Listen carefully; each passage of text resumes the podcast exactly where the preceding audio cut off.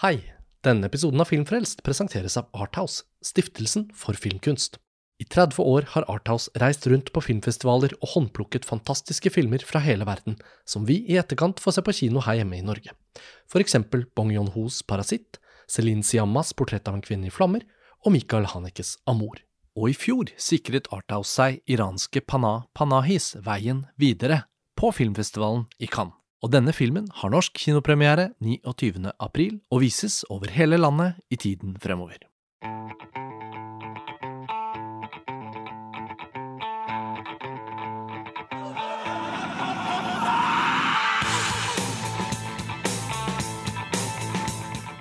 Hei og velkommen til en ny episode av Filmfrelst, podkasten fra filmtidsskriftet montasj.no. Mitt navn er Karsten Meinick, og i forrige episode av Filmfrelst presenterte vi dere for det nye prosjektet Forbudt på kino, en spesialserie av podkastepisoder som vi har laget for å sette fokus på en spesiell periode i nyere norsk kinohistorie. I den første episoden fikk dere møte Oslo Kinematografers legendariske kinodirektør Ingeborg Moreus Hansen, og i denne episoden skal vi gå dypere inn i materien knyttet til kontroversen rundt Crash. Og gjesten er David Cronenberg. Cronenbergs kontroversielle filmklassiker Crash ble en sensasjon i Cannes da den hadde premiere for 26 år siden, og filmens sjokkerende innhold skapte stor debatt her i Norge. Såpass at Crash ble nektet kinovisning i Oslo.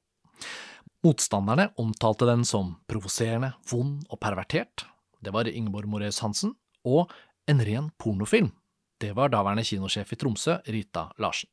Mens fansen hyllet den, og juryen i Cannes ga den en spesialpris.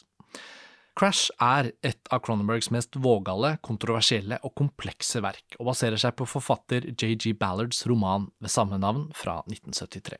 Filmen skildrer en gruppe mennesker som får seksuell tenning av ulike former for bilkrasj og alt som hører til, arrdannelser, proteser, deformerte kropper. I hovedrollene finner vi James Spader, Oscar-vinner Holly Hunter, Elias Coteas, Deborah Cara Unger og Rosanna Arquette med flere. Musikken er av Ringenes herre-komponist Howard Shore, og på foto og klipp har Cronenberg med seg sine faste samarbeidspartnere Peter Sushitsky og Ronald Sanders. Som vi forklarte i introduksjonen til den forrige episoden, har vi over lengre tid jobbet med denne spesielle serien som vi har kalt Forbudt på kino. Her vil vi fortelle historien om forbud og sensur i norsk kinokultur på 1990-tallet, med denne kontroversen rundt Crash i sentrum. Flere sentrale personer fra perioden vil dukke opp i denne serien, men det er klart at Ingeborg Moreus Hansen og dagens gjest David Cronenberg står mest sentralt i den faktiske konflikten. Og det er ikke så ofte vi bruker arkivklipp her på Filmfrelst, men det er en episode fra talkshowet Absolutt, et av Fredrik Skavlans første oppdrag for NRK, høsten 1996, som fortjener en kort, liten reprise. I studio hos NRK sitter daværende styreleder i Norske kommunale kinomatografers landsforbund, Kristin Clemet, og Aftenpostens Harald Stanghelle, med sexolog Tore Langfeldt. I tillegg til debatten de har i studio, har de også David Cronenberg med på telefonen. Og la oss bare høre kort hva han sier når Fredrik Skavlan trekker han inn i sendingen. Vet du hva, Jeg har regissør David Cronenberg på telefon fra Toronto. Mr. Cronenberg, welcome Yes, to our show. Hi, thank you. Um, your film Crash will not be shown in Oslo. I wonder Yes. what's your uh, reaction to that? Well, I find it, of course, very upsetting uh, that one person can say, "I don't like this, what this film means, and therefore I will keep uh, a few hundred thousand people from seeing it and making their own uh, decision about what the film means." Has this happened anywhere else in the world? Um, well, it, it, to, to crash uh, at the moment, not. Um, but of course, it happens all over the world, and I'm I'm very opposed to, to, to censorship in general. Der hørte vi altså i et opptak fra NRKs program Absolutt 10.9.1996, programleder Fredrik Skavlan eh, og gjest David Cronenberg da på telefonen. Um, spol 26 år frem i tid, og vi sitter her nå og er veldig, veldig glad for at vi har David Cronenberg som gjest på Filmfrelst. Og det at filmen nå er nyrestaurert, ga oss også et vindu, en kanal, til Cronenberg selv, og via hans assistenter fikk vi arrangert for et intervju. Og selv om det tok noe tid å organisere, så var det ingen tvil om at Cronenberg ønsket å snakke med oss, og han husket også episoden fra Norge rundt Crash veldig godt. Vi foreslo ulike kommunikasjonsformer. Cronenberg er jo også aktuell på Cannes-festivalen i mai med sin nye film Crimes of the Future, men vi landet til slutt på at regissøren gjerne ville bli ringt på sin fasttelefon hjemme i Toronto. Så vi organiserte oss raskt med den nødvendige teknikken og fikk satt opp opptaksutstyret for nettopp å gjøre intervjuet med Cronenberg på linje fra Canada. Og nå ønsker vi å påminne dere lyttere om at Crash er aktuell med visninger i Oslo og i flere andre byer via cinematekene. I Oslo kan dere se filmen på Gimli kino torsdag 5. mai klokken 20.30 og på Vega scene lørdag 7. mai klokken 20.00. Cinematekene rundt i landet viser filmen fra og med 5. mai, så sjekk deres lokale visningssteder for tid og sted. Og hvis dere ikke har hørt forrige episode, som introduserer konseptet og ideen bak denne serien, så anbefaler vi at dere hører episoden der vi snakker med Ingeborg Moreus Hansen og presenterer prosjektet, før dere hører denne samtalen med David Cronenberg. Og med det gjenstår det bare å slå nummeret til Cronenberg og høre hva han har av tanker om Crash anno 2022 og den spesielle sensurdebatten som oppsto nettopp her i Norge. Hello? Hello. Is it uh, David? Yes. Yes, it is. Hi. Hi. Nice to meet you. Thank you for taking the time. Sure. Sure thing. So is it okay if I say David or should I be Mr. Cronenberg? Oh no, David is fine. okay. So, Crash. Yeah. I had the great uh, luck to to see the restored version of Crash at the premiere in Venice when you were there for the Q&A. Oh, right. So that was that was a great screening and it kind of inspired us to to track the release of the restored version. So. I hope we can talk about many of the themes of the film and a little bit of its history. Sure. Absolutely. I'm I'm open to talk about any, anything. Sure. That's great. Um, I just wanted to start with this point in time that uh, looking at J.G. Ballard's original novel, your film came out 24 years after its publication. And uh, now, in 2022, it's 26 years since your film. So it's almost the same sort of distance between the original book, your film, and today. Yeah.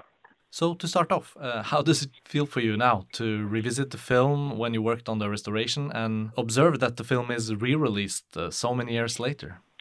Well, it was not my initiative to to do that. I mean, it was the producers, um, Jeremy Thomas primarily, and then Robert Lantos, uh, who um, th- thought it might be a good idea to, you know, it's a it's a technology thing first of all because of course it, it I, I think it was never really released even in high definition before, so yeah. it was. Uh, uh, now everybody's doing 4K and uh, 4K becomes more viable. More people are able to look at it, and of course to screen it in theaters. And um, so I, w- I was happy that that was happening because, of course, your uh, technology can leave your your films behind, you, you know, and and not be accessible. And of course, that you want your movies to be accessible. So Yeah. I welcomed it, and I was happy to be involved in the you know color timing and everything. And uh, I was very, you know, once we we screened it at Venice, it was a great screening, as you say, and it was it looked great, and in particular, it sounded fantastic. Yeah, that was actually truly amazing. It was because the uh, it was a 5.1 sort of surround uh, sound that it was not originally in that format. It was only stereo because that was the way things were done at the time. So Right. it, it, it even it actually sounded better than the original. So did you have a chance to go back with the same sound designer? Uh, who did the sound design on the film? No, I, I mean the, the the the original mixers were not involved, uh, but it but Right. it, it was it was a matter of there was a really uh, sensitive, really intelligent uh, approach by Turbine, this German company Okay. that uh, who, who who wanted to do the um, you know the, the transferring and and the upgrading and everything, Right. and uh, I, I I just I had no input into it other than that they said, you know, here's what we've done. Tell me if you like it. You know, it's fantastic. I, I mean, it was just it, it didn't really require my involvement. It was so so well done, and my director of photography, Peter Suschitzky, did go to, I think it was, did he go to Hamburg? I think to um, oversee the um transfer. Uh, you know, the color correction and everything to make sure that it was as as original. Yeah. So it was very sensitively, very beautifully done, and I, I so it was easy for me to give it my full support. Yeah.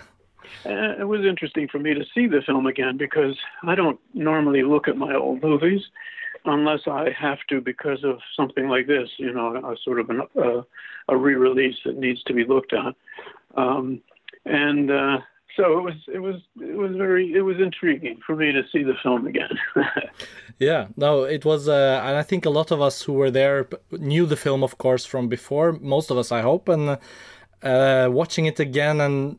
Well, 2019 was a different year than 2020, uh, but uh, still, I I believe there was a general excitement that what Crash is about and its formalism and its poetry and all of the audiovisual sort of tools and, and the language that you use to, to get these themes uh, into the film, they're not something we meet in contemporary cinema that often. So I do feel that the film also was thematically really fresh and and maybe as interesting as it was on its release. Have you been reflecting on this part of seeing it again, like the contents of the film and what it is about? Well, not really. I mean, it's it's you know I, I was so involved with it when I was making it, and uh, and the release of it, and the controversy that it that it created, and so on. So there's not much left for me eh, other than to be interested that the audience in Venice was quite young, basically. Yeah. And and they they didn't get up and leave. They were they they stayed. they stayed. They stayed for the Q and A. Yeah. And uh, it it seems, I think, then that it was quite a different sort of press conference that I had afterwards uh, than I had at Cannes. Yeah. Now, what that says about the way the world of cinema and cinema goers has developed or evolved, uh, it's really hard to generalize. You know, it's really hard to say because obviously sure. the audience, the audience at the Venice Festival is a unique audience. It's not like a normal audience. So it's hard to say how it will, would be received um, in general, I still don't know because, of course, there's still a lot of releases still pending, uh, and of course, yeah. it's it's and it's kind of a strange time, as you say, because of the pandemic. So it's hard. It's really hard to judge. But the main thing, the basic thing, is just that the film still lives. It's still. It, it's not an art, archaeological artifact of a bygone civilization. It still seems to be relevant.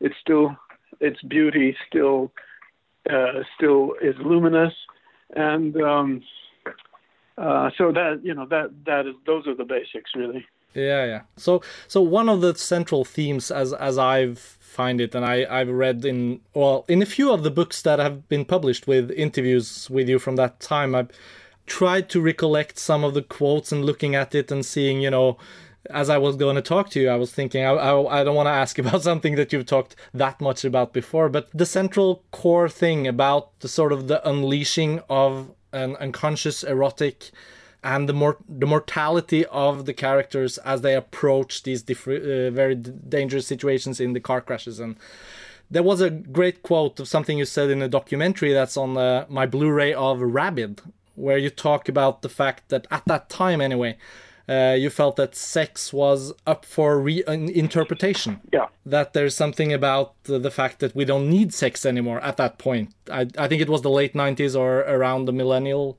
shift. Yeah and then now in 2022 how we communicate sexually in what must be the third generation of the internet where smartphones and all of the technology that we are sort of using and not using and you know the suppressed feelings and the lack of physical contact especially during a pandemic like it it, I, I rewatched the film yesterday just one more time in case I could discover something new, and I was drawn to this this quote that about this suppressed feelings we do have in any generation, but since your film tackles the subject of technology and this uh, subconscious sort of erotic thing, I, I was wondering if you have any thoughts about that as of today and, and how it uh, lingers with you still.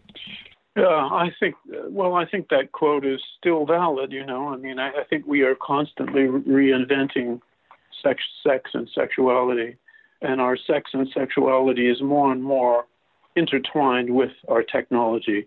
And of course, the internet makes that very clear. I mean, sex and the internet they're they're sort of inseparable. I mean, Yeah. there was a time when I there there was a, a time when I, I think I also said that cinema was created for sex, but uh, in fact, it's sort of like the internet is even more creative for sex, you know, because uh, for obvious reasons, and then for some not so obvious reasons. But um, to the extent that the nervous system, the the internet is like an extension of our nervous system, you you know that sexuality is going to be involved. So I, I think really it's it's it's a continuing evolution along the same lines that I was thinking of then, uh, in ways that I couldn't really have c- completely imagined. Although I think in video Videodrome I kind of had some sense of what might happen with sort of interactive television, uh, as I thought of it then. Um, but um, uh, yeah, so I think that's one of the reasons that the response of a young generation of moviegoers would be quite different to Crash than than originally in 1996.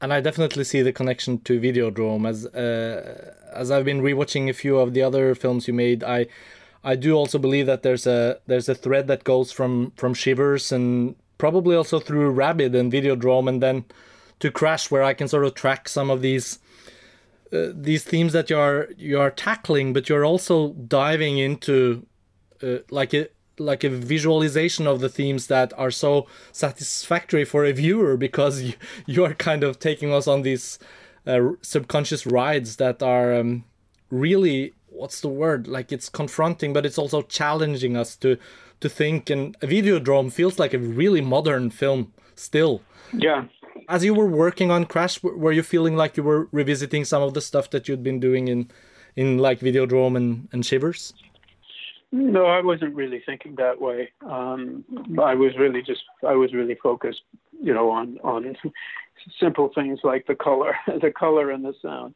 but but because just really wanting to that was the focus. I. Uh, I- as I say, I mean, I don't really think that much about my films. I don't dwell on them. I'm really thinking, you know, of, of things that I might do in the future, actually. So I really only think about it when people like you ask me about it. yeah You know, it's not like something that I. So, uh, yeah, I mean, I don't really. I, I think what I saw in Venice, um, and when I was looking at the film for the first time in 20 years, probably, was how strange these people were, how how so focused on sex and sexuality and and death. I mean, the, the, really, the, the movie is about sex and death, and yeah and how obsessive they were. No scene, there's no scene that isn't about that same thing. They're all every Yeah. scene is like that. It's pretty intense. and I was also, I also thought about the difference between Ballard's book and the movie uh, because Ballard's book was very clinical, very medical, very cold, and I mean deliberately. yeah And the movie, because of the beauty of the actors and the beauty of the lighting, is is is more sensual and more voluptuous um, than the book.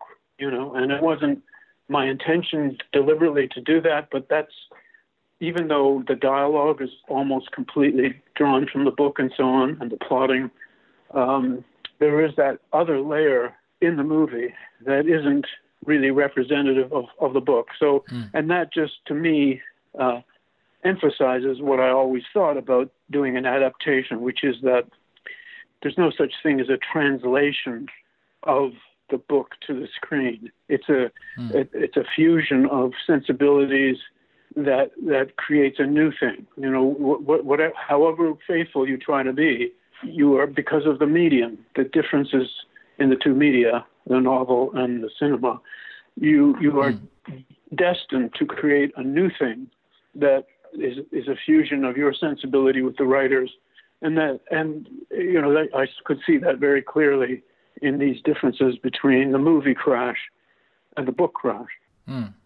I saw somewhere that uh, Ballard had written. Uh, I think it was an introduction to to a re-release of the book that that it was uh, about the death of affect, and you can say in a way that your film is about the affect in death. Yes. Uh, that it kind of turns around because there's something in the film that that is not in the book. And I, I, I did go back and read the book after the screening in Venice. Yeah. And I totally agree with what you're saying, but I also found your changes in the structure to be really, well, successful is the wrong word because it's nothing wrong with the book, but what you change by like not starting with the with one's death and and there was some other elements of the book that's kind of stripped away. It it clears the space for some of these characters and their communication with each other to have some breathing room, I guess, uh, and and that at least I feel like that gives space for me to kind of step into the movie myself.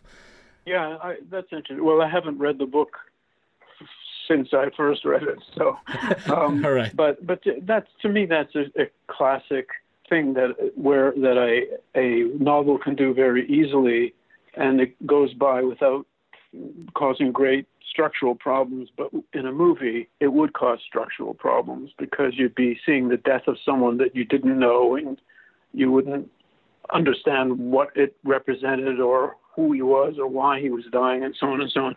So uh, Yeah. for me, for me, it was easy and straightforward when writing the screenplay uh, to straighten out the linear, you know, make it a more linear uh, story. The the other thing that you mentioned about the characters is that I noticed was how beautiful the performances were. I mean, there were many, many. Everybody was wonderful in the movie, and everybody was so committed and passionate. And you you can see that it's a movie that you had to be as an actor very committed to because you're being asked to do some very extreme things uh, emotionally and physically.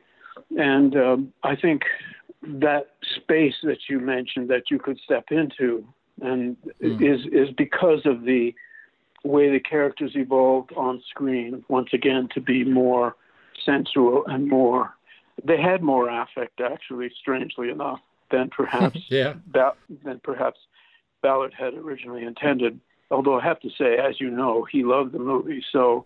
Yeah, and it's kind of moving to read uh, how much he loved it. yeah. Yeah he was he was a lovely man you know of course he he could be he could be very uh, a fierce warrior when it came to his enemies but for me he was just a very very sweet gentle lovely man with a great sense of humor. Yeah, no, it, it's um, I'm sort of well, it's nice to do research when I when I have this great opportunity to talk with you. So, but but spending time doing research is also like a learning curve for me. It's really interesting to to learn so much more about Ballard. In a way, just it's a side track, but I just ended up reading a few other of his books, and uh, probably I'm becoming a fan, and it's through through your movie in a way. Um, I just wanted to say uh, a short thing about structure, possibly because I work as an editor myself. I I've noticed that you've worked on so many of your films with Ronald Sanders. yes that's right Could you just say a little bit about the difference of how you like the structure of your scripts as a writer, how you plan out the film, and how much that differs from what you end up uh, refining with with Ronald uh, when you work together, like on Crash, for example. Yeah, we, uh, you know, I, I, I kind of think like an editor when I'm writing a screenplay. So it's very rare that we rework the structure. I mean, I, I know that on many movies it does happen. People completely rework the structure, re, rethink it, reorder it. Um, but Ron and I, we tend not to do that. And uh, certainly for the first you know, uh, I would, I let Ron, I want Ron to do a complete edit first, you know. Right. I don't, I don't go into the editing room on weekends and look over his shoulder. I know there are directors who do that, who do that. They want to, Yeah, I've experienced both types. yeah, yeah, they want to see, Yeah. they want to see uh, how the scenes that they've shot are working out and so on. I, I don't want to. I want to be surprised. right. So I want to have a screening after we finish shooting of two or three weeks or a month uh, after we finish shooting. I just want to walk in and see the the whole movie edited by Ron, um, and react to it as much as I can, like a person who's never read the script or seen anything before. Of course, it's impossible mm. to completely do that. Mm. So that's that's really how we work. And then after that, I go into the editing room with him, um, and I can see clearly things that maybe don't work, or need could be better, or could be different, or maybe just try some things out. But usually the structure stays pretty much the way the screenplay is. It's very rare that we would switch screens scenes around, for example, mm-hmm. and very rare to do a complete reordering. I know it's happened with some with many films where they suddenly do a sort of flashback structure where it never was shot to be a flashback structure, things like that. Mm. In, a, in other words, I, it never would tempt me to begin the movie with Vaughan's death no. As in the novel, and then tr- try to re- you know structure it around that. So it's it's pretty straightforward. It's really and of course as I the, the more experienced and older I got, the fewer takes I would do, and uh, eventually Ron would complain that there was only one way to edit the movie because because I gave I gave him so little to work with. But I considered that to be just a maturing of my style. sure. Can you can you recall the first screening of of Crash after he did his uh, edit, rough edit? Uh, not directly. No, I, I, I really can't. I can't. No. Howard Shore's music was that already in place when he started the editing? Because it like the the the flow and the kind of mood of the film is really really so much intertwined with the soundscapes and and yeah no that never happens no um, Howard, I send Howard, I send quite a few of my uh, team the script yeah. as soon as I have a version of it that I think works. And that would include Carol Spier, the production designer. It would include Ron. It would include Peter Suschitzky. And it would it include Howard Shore. And so Howard is thinking about the music based on the script. Um, but um, uh, and then he comes to the set uh, usually at least once, maybe a couple of times, to just see who's there and talk to the actors and just get a feel for what the production is. But it's it's there's no, and he could be working on some themes and so on. But until he has the first cut, um, there's no point really in getting very detailed because as you know, he's very precise in the way he composes, and it really yeah. ch- changing the rhythm of a scene would definitely change his music, and changing the the dialogue would change his music. So he, he really doesn't start seriously composing in detail until we have a first cut for him to look at. Okay. That's interesting. Uh, I I find his work with with you spe- specifically with with your films to, to be such a great uh, part of your films, but also really I can return to some of those scores and just listen to them. Uh, oh, I know. Uh, Dead Ringers, uh, yeah, yeah. History of Violence, Crash. Um, okay, so there's a part of the film that kind of belongs to conversation about the characters themselves, but I do find the film to be looking into a sort of sub theme that I, I just wrote down the word duality, like how we transform through the other. Like there's always a mirror character. I don't know if it comes from Ballard or if something you worked specifically with, but like the relation between Ballard the character and Vaughan, how they mirror each other and how how he lives through this other almost demonic uh, guy. It seems to happen also in other of your films, literally, of course, in Dead Ringers with the twins. But is is this theme of duality something in general that has always interested you, or do you feel like that's a good device as you as you write your characters? You kind of mirror them with each other. Mm. Well, I've never thought of it that way at all. I mean, that's a, that's an interesting point. And if I do it, it's not. I'm not doing it consciously but I do, I, I, think immediately that any character illuminated and revealed in depth by the other characters and how that character responds, how they respond back and forth to each other. Yeah. But I think that's like life. Uh, that really is like life. I mean, if you, I remember the first time I came to Europe and I was alone And for the first time, I was really alone in my life. And I was in my early 20s at the time. And I realized that I was nothing. I mean, I had disappeared. I wasn't, I, I wasn't a person, you know, I had no identity. And I, I realized that that I'm only a, I'm almost a creation of a focus of many people. You know, uh, the people you you know your at the time your parents, your girl or boyfriend, your friends. Um, so it seems natural to me, you know, that a character without other characters is nothing. I mean, I think I deal a little with that in Spider. Um, so, it, so it doesn't surprise me that there should be what you call a mirror, but but in fact, yes, it's it's like uh, if you don't have that mirror, you don't exist. You know, you don't know who you are, you don't know what you look like, you don't know what you sound like, and um, uh, that's why you know if to do a movie with just one character would be pretty interesting. yeah. yeah. you know, it, but very difficult, very difficult. You know, and in a novel you could do that Yeah. more easily. You know, you could because in a novel it's very easy. Even a bad novelist can be inside a character's head, and and and have that that character sort of exist in that sense.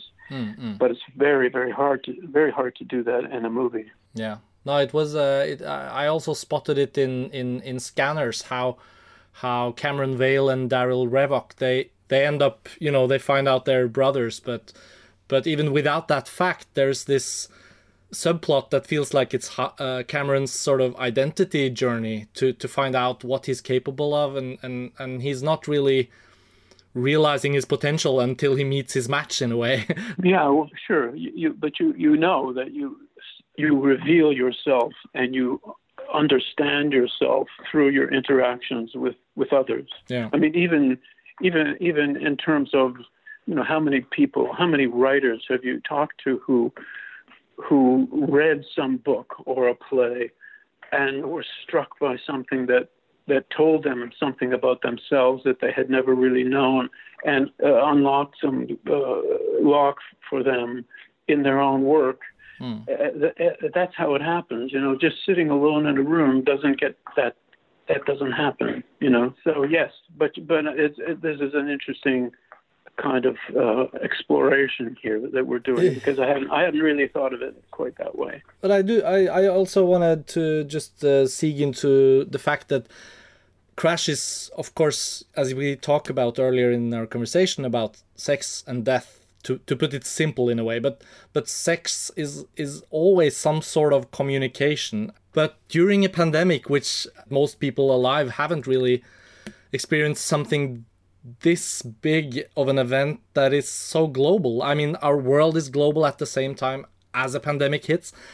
And it seems to me that some of the stuff that people really struggle with, apart from disease and death, which is the obvious problems, is that we are not communicating, not seeing each other as much physically. You, you can miss people physically, not even though you talk with them online, you can't really see them. And uh, I was just wondering, I felt like I had to ask you today that since some of your films are about disease that spreads and virus and pandemics, and what have been your reflections to actually live through something like this? And Yeah. did, did you ever think about the, the themes as you have been filming them?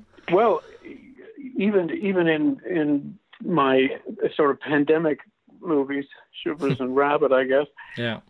I never. Uh, of course, I didn't have the budget to deal with it globally, so. No. But um, I have not experienced. I've, I'm a lot older than you are, and I haven't experienced this either. No. Although it certainly has existed, there have been pandemics that were global before Yeah. but um, it's it's it is it's unique in my experience as well how complete it is in terms of the entire globe being affected in one way or another, and of course uniquely the internet because that has in a weird way um, offered us some kind of refuge hmm. Yeah. and at the same time has sort of involved us in, in, in the isolation of the entire world. You know, we are sort of experiencing everybody's isolation as well as our own. Hmm. It's very strange. And, hmm. and and before the internet, it would have been quite different. I mean, imagine, you know, Yeah, yeah. if if this had been happening 20, 25 years ago. Yeah, no, it's Oh, very good. strange. We, and, we should, uh, and we should talk about the banning of Crash in Oslo, though, shouldn't we? At least. Yeah, that's my last point, and I, I, I really, Okay. I really hope you can tell me what you remember because. Um, so listen, David, this is what is happening. After I heard that no company had plans for re-releasing Crash, so my magazine we actually went for the rights. We we are not distributors, but we're gonna do it because the film has still never had its Oslo premiere Yes, that's correct. so we're making it happen and in that respect i was wondering if if you if you have any memories of that that you wanted to to share Well, it's just strange. I mean, of course, my film was being, you know, the film was being distributed in many countries. It had problems in many countries, including the U.S. yeah in terms of you know restricted uh, NC-17. You can't in the U.S. You can't play it in malls because of children and all kinds of strange stuff. And to my surprise, I was told, you know, that there's a woman in the municipal uh, structure of the city of Oslo who had the power to ban my film, and she did. Uh, and so I thought, well, that's interesting. And then I ended up talking to her. I can't remember her name. I'm sure you can figure it out. ingeborg Moræus Hanssen Right. That sounds familiar. yeah But I, I, at least I give her credit for talking to me because sometimes the people who ban your films or censor you don't want to talk to you. They're sort of afraid to talk to you. They don't want to have to justify themselves. Um, I do remember talking to her, and I guess I, you know, was trying to figure out what she found so terrible about the movie because my feeling about Norway and Scandinavia in general was that it was much more liberal than America, let's say, and uh, and that was partly because of, you know, uh, the Swedish films and um, you know yeah, just yeah yeah yeah you know, they were, you know, they, they were obviously. it's correct Yeah. So um, I don't know if I tried to talk her into changing her mind or at least get her to tell me, but she was quite adamant about how it just couldn't be played there. I can't remember the hmm. details though. And so that. No, I, I- mean that was that was basically it. Yeah, and it was it for for us as well. I I remember it. I'm literally I've been going to the library pulling out old newspapers for this, and when I reread how this story was covered in Norway, it's pretty shocking to see that it, the uh, the arguments that they make are for the protection of the audience Yeah.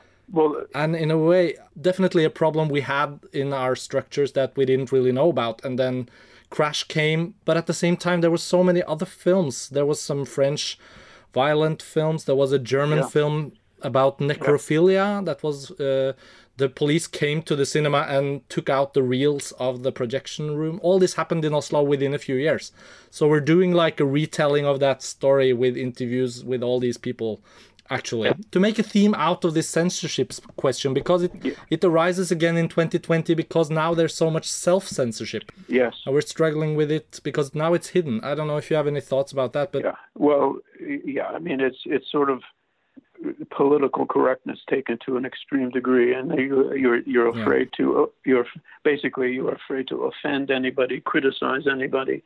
Um, Yeah. The whole ident- identity politics, all of this leads to a suppression of art and sometimes a self-censoring, of course. And uh, you know, I because even in Toronto, I had been censored uh, with my film. Um, you know, the, the, the Brood was censored, uh, and and it ultimately you realize that it actually comes down to personalities. It's not really about moral values or ethics or anything. It's it's it's becomes very personal, and I I really felt that I was being repressed in Oslo by this one person who had yes too, too much power, you know, in terms of you know the art and the world. Um, a bureaucrat who has the power to censor art is a, is a terrifying thing, basically. So, and, and you know, it's very Sovietic, of course, but it's constantly uh, anybody in the arts is constantly on on the edges of censorship or uh, repression. You know, it's it's in the nature of the game, and uh, to me, it's a constant struggle. Did you feel like you learned? Did you did you learn something from all your experiences with this? It's a it, it becomes it's personal. It's very personal. It has it depends on the actual people. Yeah. It's not like there is a, a moral code that comes down on you by itself. It is people, other citizens Yeah. like you, equally, you know, and uh, certainly in a democracy, who are equal, and they can repress your speech. They can res- repress your expression. They can suppress it, Yeah. and and and it ends up being personal. Even when you go to the uh, MPAA to get a rating for your film, you end up sitting in a room with a guy, and it's his sensibility. You know, it's it becomes very very very personal. Yeah. So rather, the, I think you you have to realize that you are dealing with human beings who want to s- repress what you are creating, and uh, uh, that first of all illuminates it for you. You suddenly realize it's not you know a s- great social code or some religious law or anything. It's always embodied in particular people that you are dealing with. And if, for example, uh, Crash had come out a few years before this woman was in the position she was, it might not have been an issue, you know, depending on who who was the person who had that power.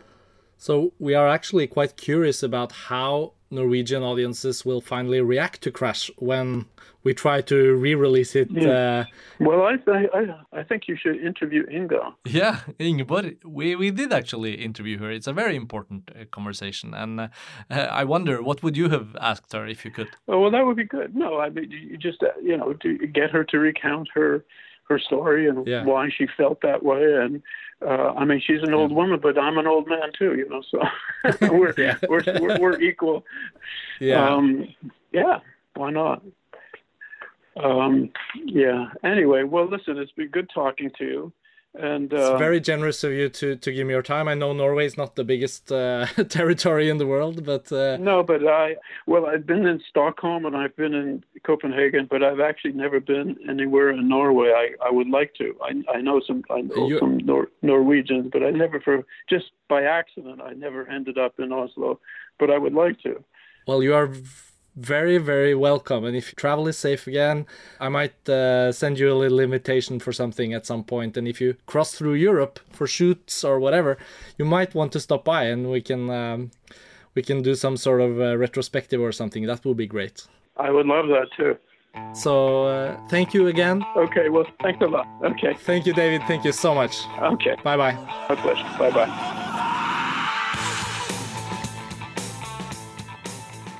Takk for at dere hørte episoden vår, og følg med videre på Filmfrelst etter hvert som vi fortsetter å publisere episoder i denne serien Forbudt på kino.